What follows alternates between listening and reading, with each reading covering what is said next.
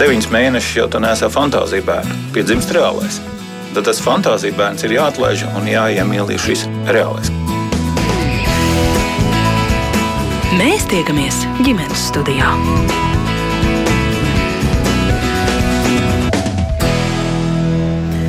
Labdien! Radījums ģimenes studija sāk savu skanējumu. Jūs sveicina raidījuma producente Ilsa Zvaigzne, un mans vārds ir Agnese Linka. Daļa pedagoģijas speciālistu ir pārliecināti un arī uzsver, ka pētījumi pārliecinoši pierāda, jaukta vecuma pirmsskolas klases bērna attīstībai nāk par labu. Bērni no šādām grupām uzrāda labākus mācību rezultātus nekā vienaudži, tāpat arī viens no galvenajiem, piemēram, Montesori metodas principiem atbalstot bērnus viņu sociālo prasmju attīstīšanā, kā mācību iestāžu grupās ikdienu kopā pavada dažādu vecumu bērni.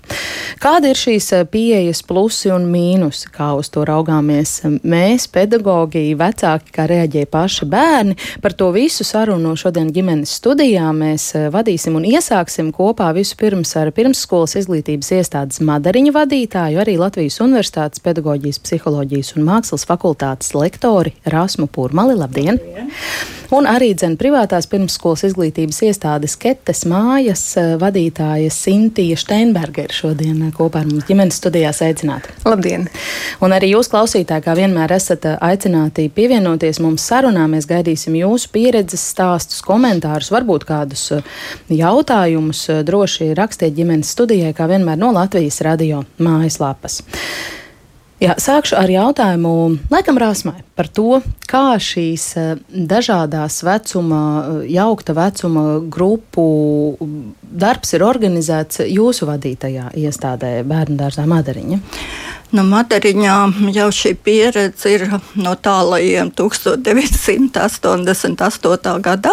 Oho. Eh, tad, kad no Amerikas ieradās no Kalamazu, tā kā Amerikas Latvieta, un pastāstīja gan par soli pa solim pieeja, gan arī lūk par šo bērnu organizācijas formu. Kaut ko jau mēs bijām dzirdējuši, bet nu, tajā laikā tā kā pierast, ka viena vecuma, bet tas bija ļoti liels impulss. Tātad jau no vairāk kā 34 gadi šī mm. pieredze. Mm. Un šī pieredze, protams, ko jau jūs minējāt, nu, ir ļoti labvēlīga bērnam. Jūs jau pieminējāt, ir daudz dažādu zinātnieku, bet Latvijā pazīstamākā nu, dzirdētākā arī Montesori. Arī jau tālajos gados lūk, pierādīja, strādājot ar bērniem ar īpašām vajadzībām, ka viņi uh, sasniedz rabā, labāks rezultāts nekā organizējot vienu vecumu grupā. Bieži vien gan pedagogs saka, nu tā jau nevar teikt, arī vienu var. Protams, var, bet nu, lūk, ja mēs runāsim tālāk, ir daudz dažādu ieguvumu gan bērnam, gan arī pedagogam, mm. jo ir divpusējs šis process. Mm. Tad jūs tajos 88. 80. gadu beigās bijāt tādi kā pionieri Latvijā šajā jomā, un bija tā viegli to pieņemt? Nu, jāteic, lai kaut ko mainītu, vispirms ir jāzina, kāpēc tu to dari. Un, ja mēs esam izglītības jomas darbiniekiem, nu, mums jābūt teorētiskām zināšanām. Jo uz uzzinot, mēs arī tur rakstījām avīzēs, un arī, ka laikam rādio izskanēja, lūk, šī pieredze un ļoti daudz ieradās no Latvijas šo pieredzi gūt, un pēc tam pēc gada teica, oi, nu, ko tā purmala tur izdomā, nekas tur nenāk. Bet bija aizmirst aizmirsuši, ka es teicu, ka mēs divi gadi ar pedagogiem eh, ļoti cītīgi tam gatavojamies. Tātad eh, teoriju apguvām šos pamatus, kāpēc, kādi šie plusi, kādi mīnusi. Tikai tad, kad cilvēki ir pārliecināti, un neba jau arī pirmos gadus pedagogi man teica paldies, bet jau pēc diviem gadiem teica, Nu, kā tam mēs strādājām ar vienu vecumu? Mēs tagad nevarētu iedomāties to. -hmm. Kā tas ir eh, šobrīd, kā tas viss ir organizēts? Cik bērnu kopā jūsu bērnu dārzā, vai visas vecuma grupas ir jau? Mums ir um, astoņas grupiņas, un visās arī jau no tiem tālajiem gadiem, joprojām visās grupās mums ir, mēs tad, kad sākām veidot šīs jaukta vecuma grupas, Arī Jurmons alternatīvā skola mums bija arī kā paraugs. Viņiem bija no trīs gadi, mums no divi gadi, un arī bija tāda runa, nu, ko te jūs tur no divi līdz septiņi nesanāk sanāca, bet tagad pēc rekonstrukcijas mums ir bērniņu grupā no trīs līdz septiņi gadi. Nu, ideālais salikums, bet kas atkal jāņem vērā, nu, nevar vienkārši tā bērnu samest. Nu, arī reizēm saka, nu jā, mums tur ir 18, 5-gadīgie, 6-gadīgie, 2, 3-gadīgie, un tā mums ir dažāda vecuma grupa. Nu, nē, lūk, arī Montesori un pārējie autori, nu, jābūt arī bērnu proporcijām.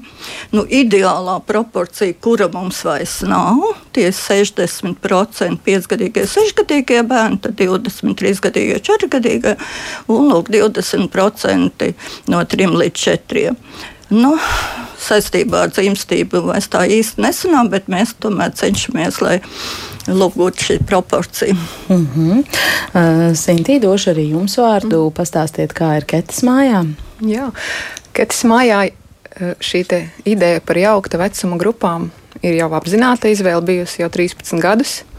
Protams, laika gaitā esam apzinājuši arī problēmas, ko rada bieži vien nelīdzsvaroti sadalīta grupa. Es domāju par vecumiem tieši. Ja, to visu mēs mēģinam novērst.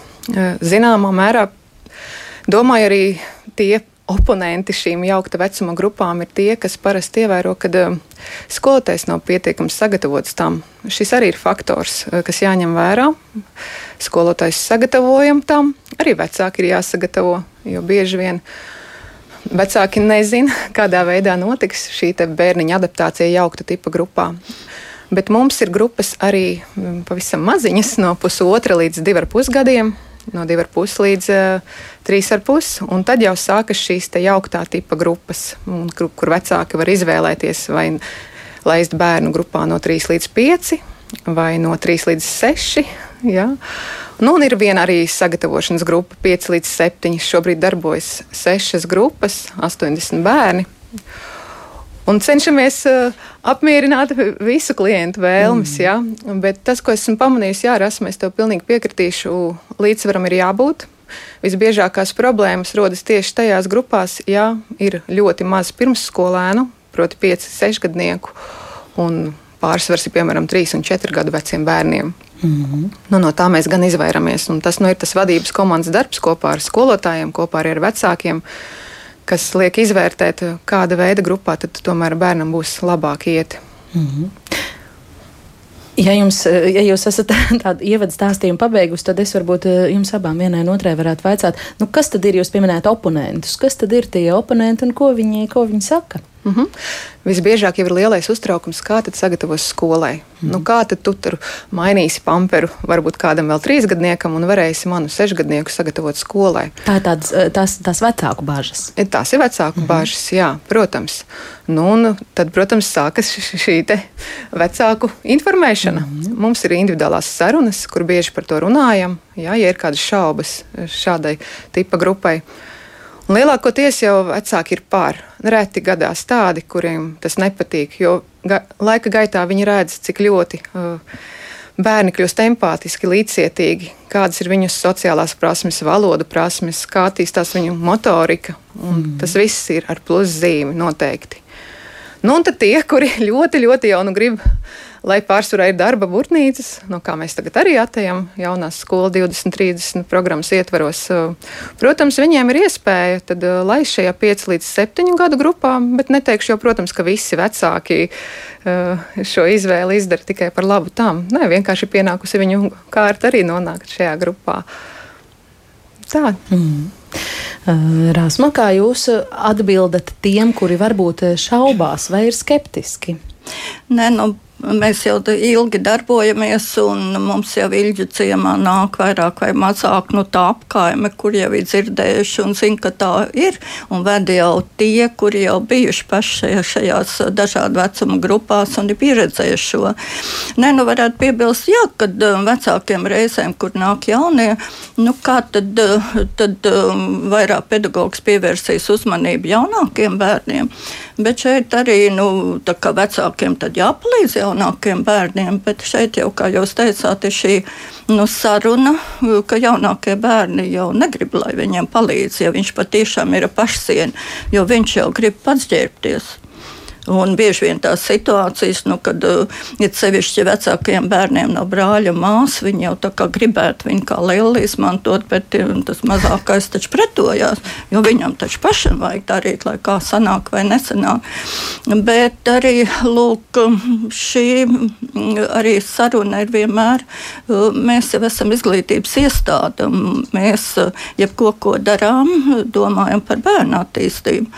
Un dažādu vecumu grupās nu, šī bērna attīstība notiek ātrāk.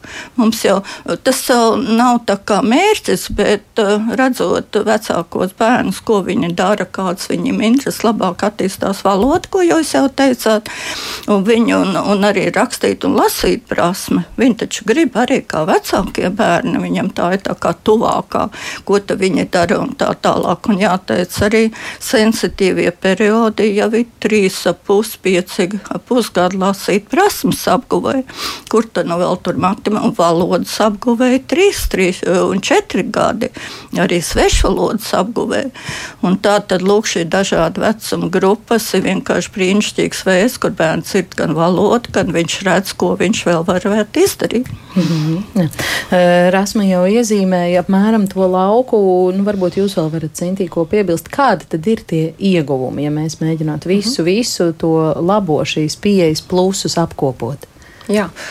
Nu, noteikti pirmais ieguvums ir jaunajiem vecākiem, kas uh, savus bērnus vada adaptēties bērngārzam. Adaptācijas posms jaukta vecuma grupās noteikti vienmēr būs vieglāks. Bērns ienāks jau grupā, kur ir mierīga vide, ierasts ritms, ienāks kādi divi, trīs bērni, nevis 15 uzreiz. Raudāšana. Jā, jo pakāpeniski tiek jā, uzņemti bērni. Jā, jā, šis ir pieaug. viens no tiem lielajiem plusiem šajā jauktajā vecuma grupā. Protams, tie mazulīši, kas pievienosies pusotrā gadā, jo mamma ir jāatgriežas, piemēram, darbā, tas ir cits stāsts. E, bet arī tur mēs mēģinām e, sadalīt šo laiku, kad viņi ienāk bērnu dārzā. Nu, otra lieta ir, jā, redziet, lomu spēles, ko parasti bērni sāk spēlēt 3, 4, 5 vecumā. Jā. Tādam mazulītim, divgadniekam, trīsgadniekam, viņš jau vēl nemāk. Viņš, uh, Viņš vēl nemāk tā mīja darboties ar pārēj, pārējiem bērniem. Viņš ir novērotājs parasti. Un tā kā viņš redz to piecgadnieku ceļot mājas, mēs skatāmies mājā ļoti ceļam mājas, un no lupatām, no sastatnītēm, kas tik tur top, garāžas un veikali. Šis mazulīts, kurš ir ienācis tikko, viņš mācās. Mm, skaitām panti, piemēram, arī atsevišķa lieta rīta aplī. Viņš veido tos savus pirkstiņus, mācās, skatās no lielajiem. Šī motorika ļoti strauji uh, attīstās. Valoda, kā tas lielais pastāsta tam mazajam spēļu noteikumus, piemēram. Un viņš jau prot pastāstīt savā bērnu valodā, kas bieži vien šim trīsgadniekam ir daudz saprotamāka nekā es kā skolotāja stāstu. Ja? Nu, tas, tas ir brīnišķīgs novērojums, ko mēs dien dienā redzam ikviena no skolotājām. Jā, nu, Ieguvumi ir ļoti daudz, neuzskaitīt visus patiesībā. Um, bet vecākiem vienmēr būs izvēle. Vai nākt jaukta tipa grupā, vai tomēr izvēlēties šo mm vienu vecumu. Jā.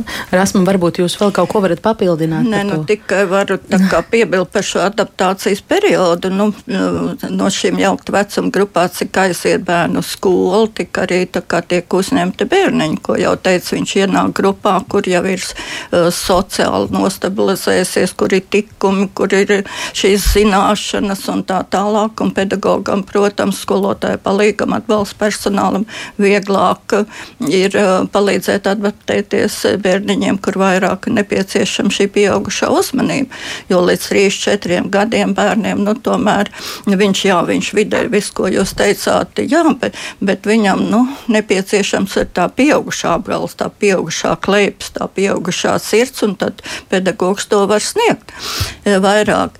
Bet šeit arī, arī jāatcerās no bērna attīstības viedokļa, jo brīnišķīgi, ka nereti viena vecuma grupā nu, pedagogs ļoti grib palīdzēt bērnam attīstīties, bet jāsaprot, ka bērna tīšā uzmanība vēl nav tik labi attīstīta. Un pedagogs tur mm, pēc tam tāds mazliet samuls, nu kā nu es viņam mācu, viņš tur nav uztvērs un tā tālāk. Bet bērns uzreiz jau nevar refleksēt. Paiet divas nedēļas.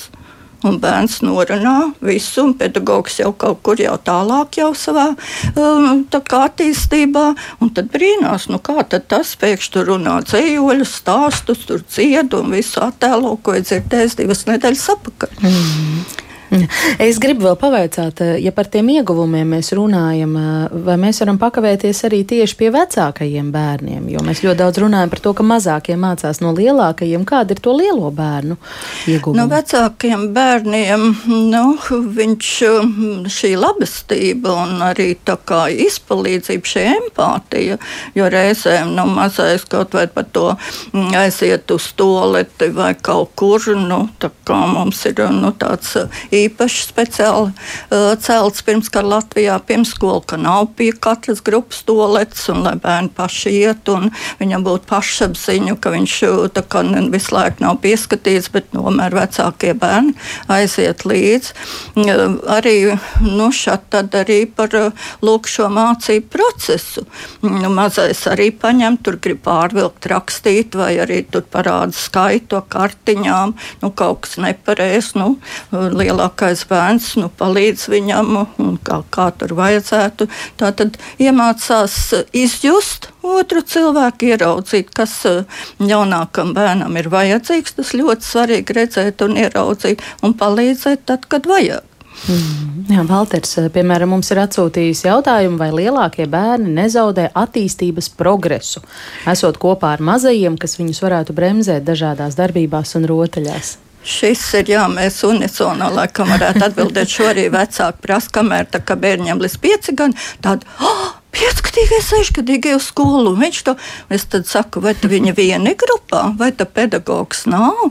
Taču pedagogs diferencēti strādā. Vispār kaut kā mēs tā kā liekas, ka pedagogs uh, strādā plakaniski ar visiem, bet taču ir diferencētā pieeja atkarībā no bērna vajadzībām, diferencētie uzdevumi. Mm. Un vēl atļaušos piebilst uh, trīs fundamentāli svarīgas lietas, proti, līderība, zināšanu nostiprināšana, kas, protams, jūs visi, es domāju, piekritīsiet, ka uh, vislabākais ir, kad mēs uh, savas zināšanas nostiprinām mācot kādu citu. Tas vien jau ir līmenis, ja mēs varam kādam kaut ko iemācīt. Un šis lielais viņš nostiprina savas zināšanas tieši mazos mācot. Mm. Un, protams, atbildība atbildība, kas ir. Ne, kas ir tiešām tāda veselīga atbildība. Nepārprotiet, te, te nav par to, ka uh, bieži vien psihologi saka, ka uh, neuzkraujiet tam sešgadniekam tri, atbildību par to mazo brāli vai māsu. Mm, Tas noteikti nav stāsts par to. Bērni grib šo atbildību un dodiet viņu to viņiem. Mm. Protams, mērenās devās. Mm. Mm. Arī Angelika mums eh, raksta ko līdzīgu. Vai nav risks, ka lielajiem izpaliek tas zināšanu daudzums, kas pirms skolas būtu jāiegūst, jo skolotājs nejauši tomēr lielāku uzmanību pievērš mazajiem? Uh, jāteic, ka tomēr nu, pirmskolas izglītības skolotājiem būtu jau jāzina par šiem sensitīviem periodiem.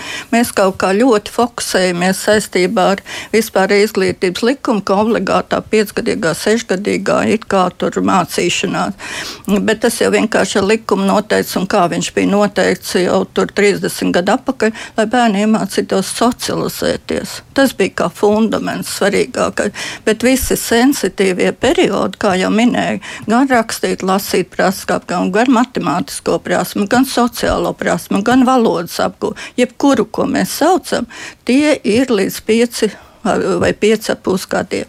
Nu, jāņem vērā nu, zināšanas par bērna dotumiem un par viņa attīstības nosacījumiem. Un, ja mēs neko neesam darījuši līdz šiem pieciem gadiem, Nu, varam teikt, un tad tikai sarosimies piecos, sešos, var teikt, ka mēs esam nodarījuši ļoti daudz pār bērniem. Un arī lūk, atbildot šo, nu, tāpēc jau ir profesionāls pedagogs, profesionāls, profesionāls, kuram jāzina šie pamati. Nevis vienkārši es ienācu un kaut ko daru. Mm -hmm. Gribat ko teikt? Jā, mēs eh, tieši atbildot uz šo jautājumu, mēs izvērtējam divreiz gadā katru no bērniem Mums ir tādas uh, anketas uh, katram skolotājam par katru bērnu, ko viņš aizpilda janvārī un jūnijā.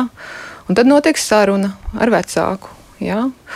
Individuāla saruna, parasti pusstunda līdz stundai garumā, kad izvērtējam katru no mācību jomām.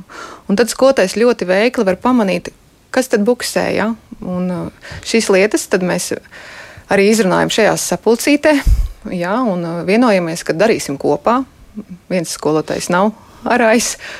Uh, un kopā ar vecākiem sadarbojoties arī virzam šī, šo bērnu prasmi, kas varbūt ir aizkavējusies uz priekšu. Mm -hmm. Linda mums eh, raksta, un es saprotu, ka viņa ir eh, nevis oponents, bet arī dažāda jaukta vecuma grupu idejas aizstāvis, jo viņa raksta, ka viens faktors, ko parasti neņem vērā viena vecuma grupas fani, pieci sešgadnieki, ir piecas atšķirīgas individualitātes, katra ar savu uztveres un reakcijas ātrumu, mentalitāti un prasmēm. Tie nav un nebūs pieci alvas zaldātiņi, kas izlieta vienādās formās no vienāda sastāva alvas. Brīnišķīgi dzirdēt dzirdēt to, paldies. Jo, lūk, mēs aizmirstam tādu elementāru lietu, ka cilvēkam jau nav tikai viens vecums, fiziskais. Cilvēkam ir sociālais vecums, emocionālais, intelektuālais, garīgais. Un jau sen, vairāk kā simt gadu atpakaļ, un neviens jau no to, to nav apgājis šo ideju, ka trīsgadīgam bērnam saistībā ar viņa dotumiem Nu, ko tad tur senči devuši? Un pieredze ģimenē, attīstība var atšķirties par gadu vai pa pusotru.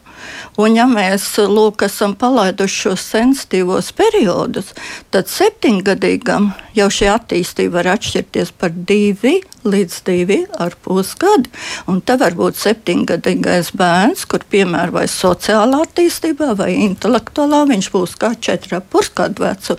Arī likumā vēl kā desmit gadu atpakaļ, ka uz skolu var iet no sešiem bet no, arī no deviņiem, pamatojoties uz šo teorētiskām atziņām. Nu, tagad ir, ka var iet no sešiem vai no astoņiem. Lūk, jau paredzot, ka visi mēs neesam kā paldies Alva Saldātiņa, mums nav viens vecums, bet mums ir dažādi vecumi, un mēs esam dažādi un unikāli. Mm -hmm. Jā, un kur nu vēl piebilst to, ka uh, bieži vien šajās viena vecuma grupās veidojas tāds neveselīgs sāncensības garš, kuras skolotāji vai vecāki arī grib salīdzināt bērnus savā starpā. Manējais jau lasa, manējais jau mm -hmm. raksta, mans nelasa, mans neraksta. Uh, mēs izslēdzam arī iespēju šai salīdzināšanai, kas, protams, nav ļoti veselīga. Un savukārt, tiklīdz beidzas šis sāncensības gars, kas ir pamanīts, protams, visvairāk viena vecuma grupās, um, sākas rotaļāšanās prieks, brīvība. Bērns, rotaļājoties šajā vecumā, kas ir viņa pamatdarbība, rotaļāties, jūtas brīnišķīgi, jūtas la, labbūtībā, ja, tajā grupiņā, kur viņš spēlējās un mācās reizē. Un tas ir liels, liels. Nē, nu šeit arī piebilst, ko jūs piebilstāt. Mums jau tā kā tie 3, 4 gadi jau liekas idili ka, lūk, vienu, ko jūs teicāt, šī sācensība, viens sācensība, bet otrs, ja es jūtu, ka es nevaru, nu, tas, kas piedāvā citam, nu, bieži vien vien vecuma grupā visiem ir dod, visi daram tā. Man jau rodās, nu, es nevaru, un šeit ir graust man pašcieņu. Un tad vispirms students saka, vai reku zēni, man tur neklausa un tā tālāk. Bet principā tā ir pašcieņas graušana. Bet, ja lūk, dažādu vecumu grupā, viņš jau, nu, es nevaru to uzdevumu, varbūt es paņemšu šo, bet es izdaru. Un man ir pašcieņa, ko es esmu izdarījis, un tā tālāk. Tā tad arī mēs saucējam bērnu cieņu, godu un pašcieņu. Mm, Pilnīgi piekrītu. Jā. Ļoti daudz eh, plusi un iegūmi ir uzskaitīti, vai ir arī vēl kādi izaicinājumi, kādas grūtības, ar ko nākas saskart, saskarties realizējot šo pedagoģisko pieeju, ja neskaita to, ko domā stereotipiski domājam mēs vecāki varbūt dažos gadījumos? Nē, no nu, to, ko jau es minēju, ka ja katra profesija un ja tev ir augstākā izglītība, nu tev jābūt zināšanām. Un jāteic, nu, ka visbiežāk tiekoties studentiem, es gribu, bet man nav zināšanu. Nu, Es arī saku, nu, ja tu aizsēji pie ārsta, nu, tu gribi, lai tev salabo zobus, bet viņš domā, es nezinu, nu, tu katru muti tur izraušu, tur mandelis vai kaut ko. Nu, nu skarbi, bet reizēm tā ir. Bet ir jāzina, nu, profesijā ir jāzina par bērniem. Jāzina, un, un arī septembrī, ja atnākot jauniem bērniem, tev jau viņi jāiepazīst, ko jūs arī teicāt, gan novērot bērnu, gan runājot ar vecākiem, gan arī prasot padomu citiem. Nu, kamēr es neesmu iepazīstināts bērnu, es jau viņam nevaru piedāvāt uh, to adekvātu attīstību. Mm Respektīvi, tas, ko jūs sakāt, ka ir vajadzīgas īpašas zināšanas, kā šādas eh, jaukta vecuma grupas pedagoģiski vadīt. Nē, vajadzīgas zināšanas pedagoģijā, psiholoģijā, metodikā. Vispārējais. Tad tur zināšanās jau arī, ko es minēju, jau tā kā, nu, mēs to Montesori zinām, bet Vigotskis bieži un kas tikai nē, jau no Frēbeļa laikiem, pat no Kamenska laikiem, nu, ka katrs mēs esam īpaši un tev jau jāzina, nu, jāprot analizēt un ko jau jau es minēju. Tātad, kāda ir uh, sensori, kādas vadošās mājas, uh, kāda bērna pieredze, jebkurā jomā, kāda bērna pieredze nu, uh, mācību jomās. Viss tas ir jāzina, bet arī teorētiski jāzina kaut vai par to, par šo tīšo, netīšo uztveri, par domāšanu, domāšanas tempu. Nu, nu, daudz šīs lietas, kas saistīts ar tavu profesiju. Nu, te, nu, katram taču jāzina, ja viņš strādā noteiktā profesijā, viņam ir noteikti noteikti zināšanu bagāžā jābūt. Un tajā pašā brīdī pienāk brīdis, kad uh, iestāde paliek bez skolotājiem, viņi iet prom. Un mēs labi zinām ši, šī brīža situāciju. Un kas notiek? Nāk daudz jaunu skolotāju. Un paldies Dievam, ka viņi nāk. Viņiem ir jānāk. Protams, no šī jaunā skolotāja mēs nevaram gaidīt uh, pilnu zināšanu grozu. Ja? Un tad nāk klāt šis metodiķis, ja? vadītāja komanda. Uh, kas viņam palīdz to darīt. Un galvenais ir uh, vide. Vide, kādu jārada šajā jaukta tipa grupā, lai šis materiāls būtu pie, piemērots gan trīsgadniekam, gan piecgadniekam, gan tam, kas tulīt uz skolu ies. Un tad ir stāsts par materiālo bāzi, par uh, rotaļlietām, kas šajā grupā atradīsies. Ja? Tas nebūs tā, ka vienkārši jebkura grupa derēs. Nu, un šeit tas profesionālisms arī, ja pat šim jaunajam skolotājam vēl nebūs šīs iemaņas, tad nu, vadītāja ziņā ir izvērtēt arī šo vidi un metodas. Es gribētu, jā, paldies, ka jūs to pieminējāt. Nu, jaunie pedagogi, nu, protams, viņš vēl taustās un tāpēc jau ir vadītājs. Un lūk, arī, ja mēs runājam šo vienu vecumu vai dažādu, nu, tas ir vadītāja, nu, kā viņi saprot, nu, kā bērnam ir labāk. Bet arī, lūk, Madariņa, paldies Madariņas pedagogiem, bet mēs jau tāpat nepārtraukti mācāmies, jo nāk jau citi bērni. Un tā, hop! Tā kā zināju, bet redz, šis bērns pilnīgi tā kā mazliet savānā. Jo desmit gadu atpakaļ trīsgadīgie bērni, viņiem vismaz bija vārdu krājums 300 eh, aktīvā vārdi, pat 1500. Eh, Tagad atnāk neverbāli pāris vārdiņi verbāli. Um, trīsgadīgie bērni nebija domājams, ka nāca pamperiem, viņu šī pašapkalpošanās prasmes un tā tālāk, bet tagad bērni bieži vien atnāk, viņš runā angļu valodā un perfekti uh, darbojās ar gadžetiem dažādiem. Mēs nepārtraukti, un jāsaka, ka pedagogam ir ļoti daudz jāstrādā, lai sagatavotu šos individuālos darbus. Nu, mūsu pedagogi nu, strādā līdz 11, 12 desmitiem naktī. Tagad jau ir mazliet tas klāsts jau sagatavots un var piedot, bet tas ir liels darbs. Nav tā, ka tu aiztaisi durvis, pamāja rociņu un aizēji. Mm. Un otrā rītā ienāc un domā, ko tur dari. Mm. Bet tad es pareizi saprotu, ka pedagoģijas studentiem, piemēram, nav tāda atsevišķa kaut kāda priekšmetu vai atzars, kur mācītu tieši šādas jauktās vecuma grupas vadību. Ne, nu, arī manā studiju priekšmetā mēs par to runājam, protams, bet um, students jau aiziet uz to iestādi, kur ir. mēs ļoti daudz ko runājam, un, pēc, uh, un tagad arī notiek kvalifikācijas eksāmeni un pasniedzēja reizēm, bet es taču teicu, es taču tad, uh, savā lekcijā par to runājām. Nu, viens ir tas, un es tā, tad esmu nonācis pie atziņas, nu, pieaugušo cilvēku. Ja, ne, labi, labi, ja viņš pats nav izjūtis bērnībā, ka viņu ciena, ka ar viņu darbojas, ka ar viņu runā un tā tālāk, viņam grūti ir pārnest uz šo. Un to, ko viņš gūst teorētiski, viņš aiziet praktiski, viņš izdara pilnīgi savādāk, tā kā viņš ir pieredzējis. Mm. Jebkura vide, jebkura iestāde būs savādāka. Bieži vien būs tā, ka nekas no universitātē iegūtā nebūs pielietojams. Varbūt kaut kas, tikai maza daļiņa. Es pati esmu tam liecinieks, ka es mājās uzsāku pilnīgi jaunu. Jaunu dzīvi, jā, jo es mācījos jau ļoti sen atpakaļ. Pirms, jā, tas bija 2002, 2008. Un, tad, tad bija vecās metodes, Un tagad ir jaunās, un visu laiku ir kaut kas jāapgūst jauns. Mm -hmm. Kā jums eh, šķiet, kā jūs teiktu, vai var teikt, ka Latvijā šīs jauktās vecuma grupas bērnu dārzos ir izplatīta pieeja, vai to ir daudz, vai varētu būt vairāk? Kāds tas priekšstats ir? Nu, es domāju, ka viņas nav izplatītas, un arī kolēģi priecājos, un priecājās, ka students saka, ka viņš strādā jauktu vecumu grupām, bet noteikti nav daudz. Jo kaut kā, nu, pēc cik es esmu diezgan sena, kad Latvijā tikko brīvība, nu, tā kā sākām, ārzemi viesi brauca un mācījāmies tur Minsta Rīga un tā tālāk bija tāds pacēlums, ohu, zinājām pa Montesori un Šteineru brīvdevas pedagoģiju, kaut gan iepriekš arī zinājām, bet nu nekas. Un tad atkal kaut kur apmēram 95. gadā bija, ho, nekas nenotiek.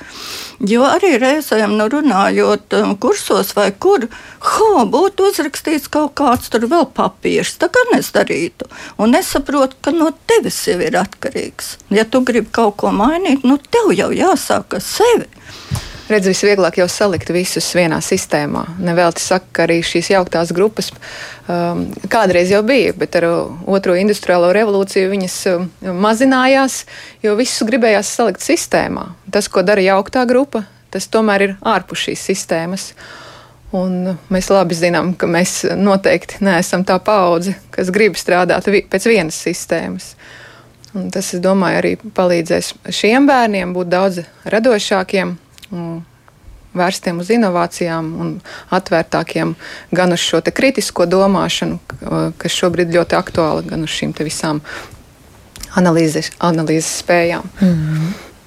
Bet eh, kas tad varētu veicināt eh, to, lai šāda daudz dažādiem ieguvumiem bagāta metode tiktu plašāk Latvijā pielietot? Jūs sakāt, tie, es nezinu, paši bērnu dārzu pirmskolu vadītāji? Man patīk, ka nesen viens students arī tur izrunājamies, nu tā kā puisis. Nu, ka būs uzrakstīti papīri. Es teicu, viss papīri jau uzrakstīti. Mums ir labākais izglītības likums. Nu, viss taču uzrakstīts, un izglītības likums jau 1992. gadā. Un tur jau bija, ka brīva personība, radoša personība, kritiska, domājoša, bet nes kāpēc daudziem likās, nu, ka pieņēma šīs vadlīnijas 2018. gadā, nu, tad dzīve sākās no jauna. Bet tā, 30 gadu jau apakaļ. Ne, nu, izšķirošais vienmēr ir vadītājs. Nu, jebkurā. Nu, vai mums mēs runājam par kariņu vai, vai ko? nu, ka, vai viņš ir pieredzējis strādā, kā strādā, jo ir arī studenti, kas atnāk un, un bezmaz raud saka, nu es gribētu ieviest, bet es laikam iešu projām no tās pirmskolas, jo tur strādāja nu, 10, 20 gadu atpakaļ, neko neviens negrib mainīt un viss ir labi un, un tā tālāk. Mm. Kā jums šķiet, vai tāda vidējā un vecākā pirmsskolas pedagoģa paudze šo pieņemtu labprāt? Es tā nenošķiru. Tas ir atkarīgs no cilvēka personības. Arī bija tas sauklis, nāks jaunā paudze un tikai nu, mainīsies. Nu, tā nenotika. Tas ir izšķirts tikai no cilvēka personības. Tā ir arī elastība. Kas ir viena no galvenajām vērtībām, kas sevi jāaudzina. Mm, -hmm, jā. Es atgādināšu, ka ģimenes studijā mēs šodien runājam par dažāda jaukta vecuma pirmsskolas um, Un, un sko, ar, turpināsim arī par skolām, bērnu grupām un mācīšanos un, un sociālajām prasmēm, ko bērni gūst šādos apstākļos. Un manas sarunu biedrenes šodien ir privātās pirmsskolas izglītības iestādes Ketas mājas vadītāja Sintīša Steinberga un pirmsskolas izglītības iestādes Madariņa vadītāja Rasma Purmale. Un šobrīd mūsu sarunai pievienosies arī Pūzes pamatskolas sākumskolas skolotāja Līga Ābele un arī bērnu Bērzgalas pamatskolas sākumskolas skolotāja Inga Kroiča. Un, jā, jums, dāmas, es tad gribētu vaicāt par to, kas šķiet ir izplatītāk tieši pirms skolās šīs jauktā vecuma grupas, kā tas ir pie jums jūsu skolās, kāda ir jūsu pieredze ar mācību un socializēšanās procesu jaukta vecuma grupās apvienojot dažādas klases, kādās situācijās tas notiek. Līga un Inga, labdien! Labdien! Varbūt, ka sāksim tad eh, Līga jums eh, vaicāšu izstāstiet, eh, kā tas jūsu skolā notiek un kāpēc es zinu, ka jūsu mm, skolā ir dažāda vecuma bērni mācās kopā, vai tas, cik, cik ļoti tas ir izplatīts? Jā, labdien, prieks klausīties kolēģis. Un uh, mums ir tā, ka mums pozas pamatskolā nav apvienotās klases, bet mums ir apvienotas mācības stundas dažās klasēs.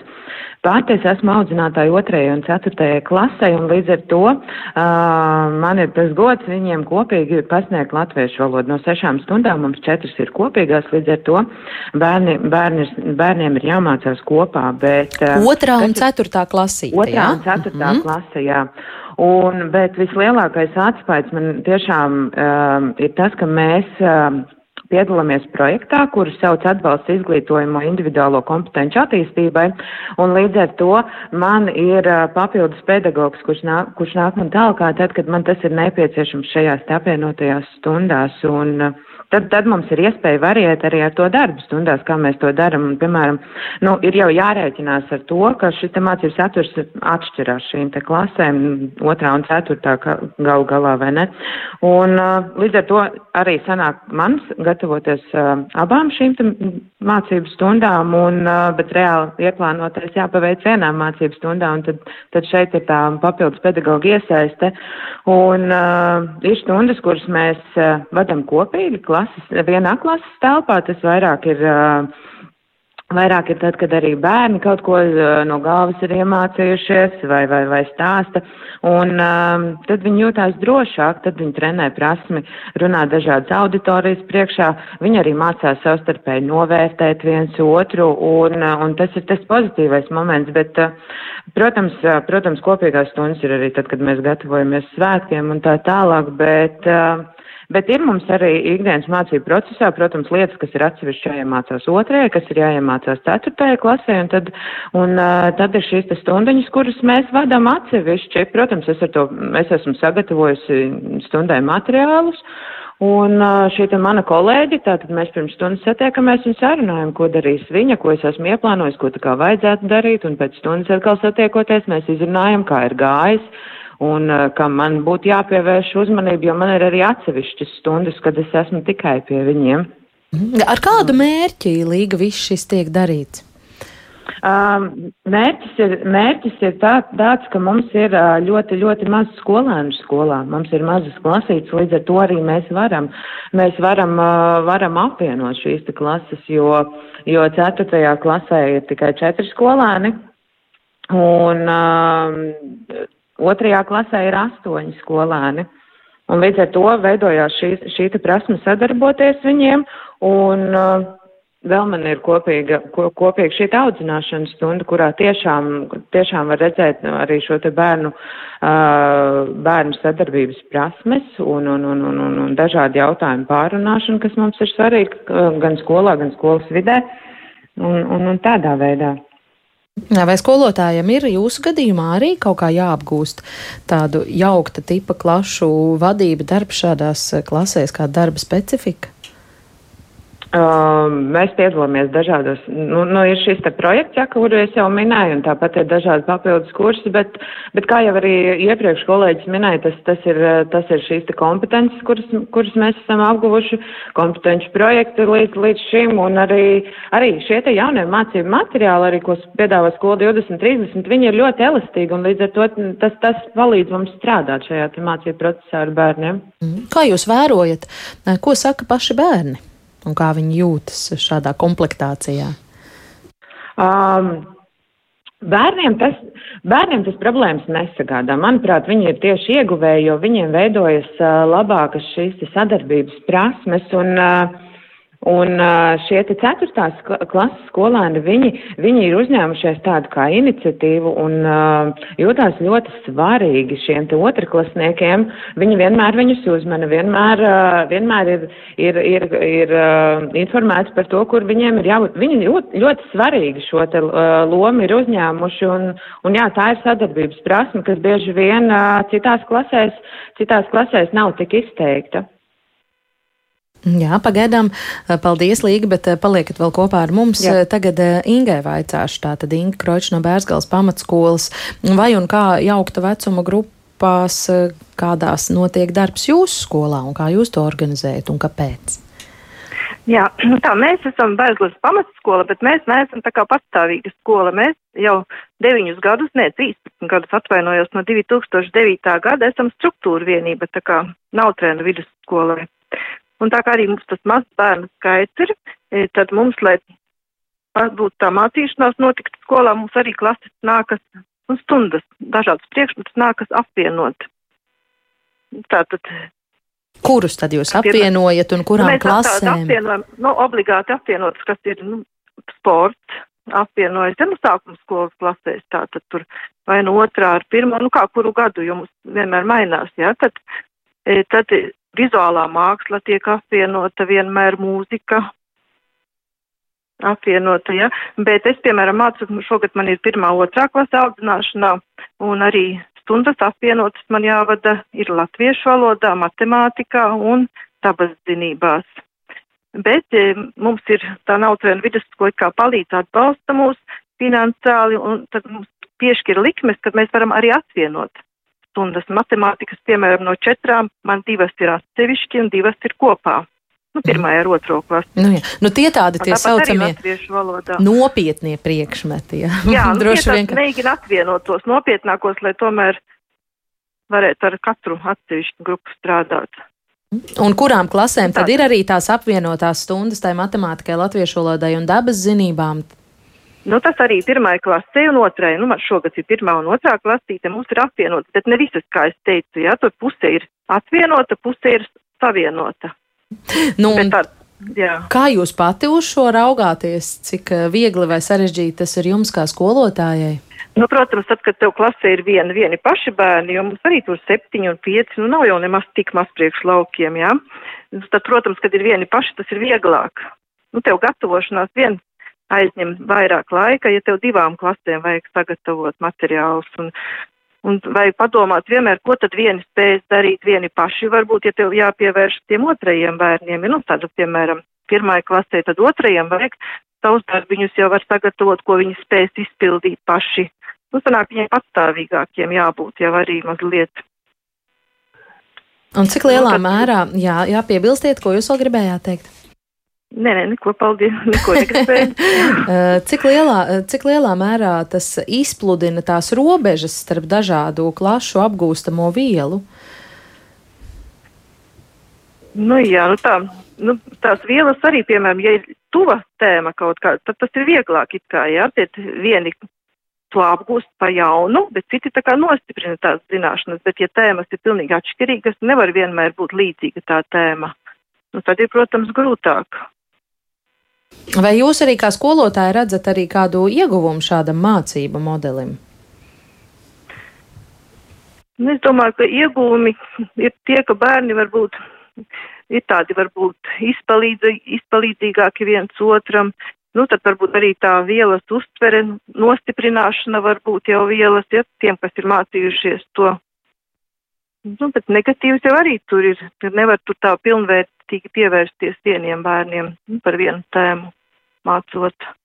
Jā. Skolotājiem tas arī dubultā, tā kā darbs dubultā. Jā, par šo mums eh, jautā arī klausītāja Žanete, un varbūt es eh, jums abām, Inga un eh, Līga, varētu adresēt šo Žanetes jautājumu. Viņa saka, ka tas, par ko mēs stāstam, izklausās pēc tādas lielas ģimenes, kur tāda mācīšanās ir iespējama, bet vai šādas apvienotās klases nākotnē iespējamas arī daudzskaitlīgākās klasēs, ņemot vērā lielo pedagoģu trūkumu? Līga, kā jūs teiktu?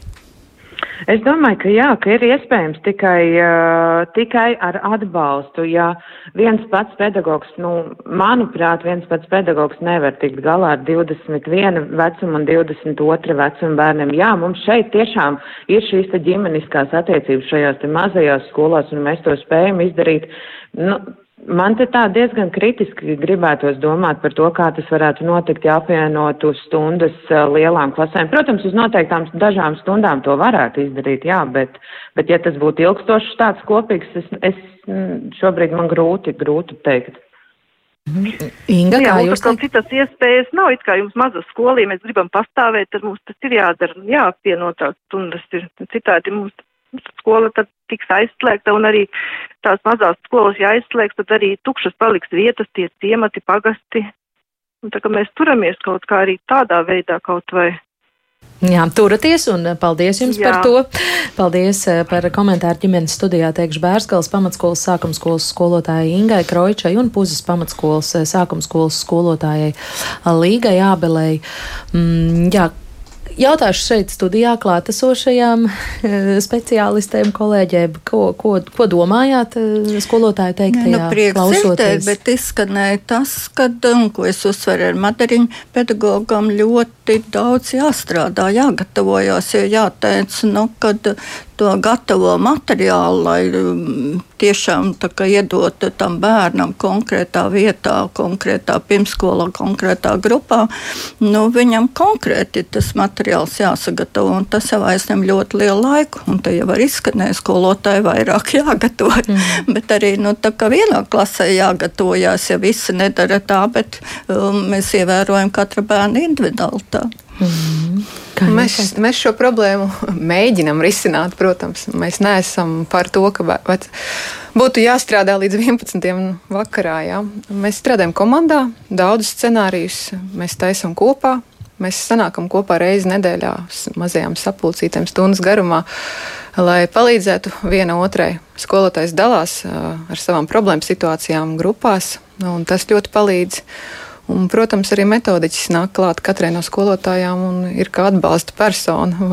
ja, ja vajag, nāk arī pie manīm, un arī es savu pieredzi viņām stāstu. Bet uh, gribētos uzsvērt tiešām par to dabiskumu, kas tajā visā pastāv. Tā tomēr ir ļoti dabiska vide, šī ģimenes tipa grupa. Ja? Un uh, arī mēs labi zinām, mežā arī neaug viena gada priedītas vai glītis. Uh, tur sadzīvo koki dažādu vecumu kopā. Mm. Gribētos, lai arī tas viss dabiski arī notiek dzīvē. Un eh, cik liela vispār varētu būt tā atšķirība? Jo it kā jau pirmsskola un sākuma skola, eh, ja nemaldos, pat eh, pedagogi mācās kopā. Nu, tās ir ļoti tuvas lietas, vai, vai ir Nē, nu, tā, tā arī mācījās pirmsskola, sākuma skola skolotājs. Tā kā ar šī gada vai tāda mazliet savādāk programma būs.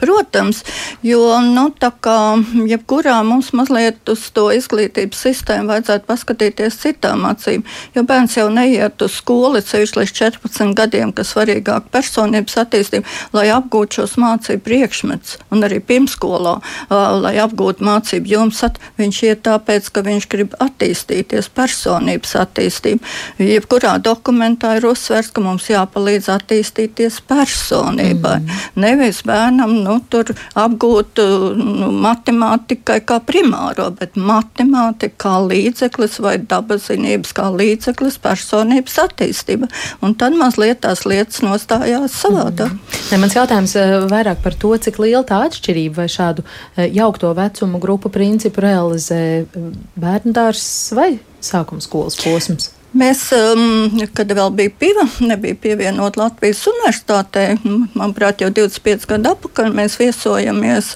Viļņā kur bijām apvienoti 1, 2, 3 klase.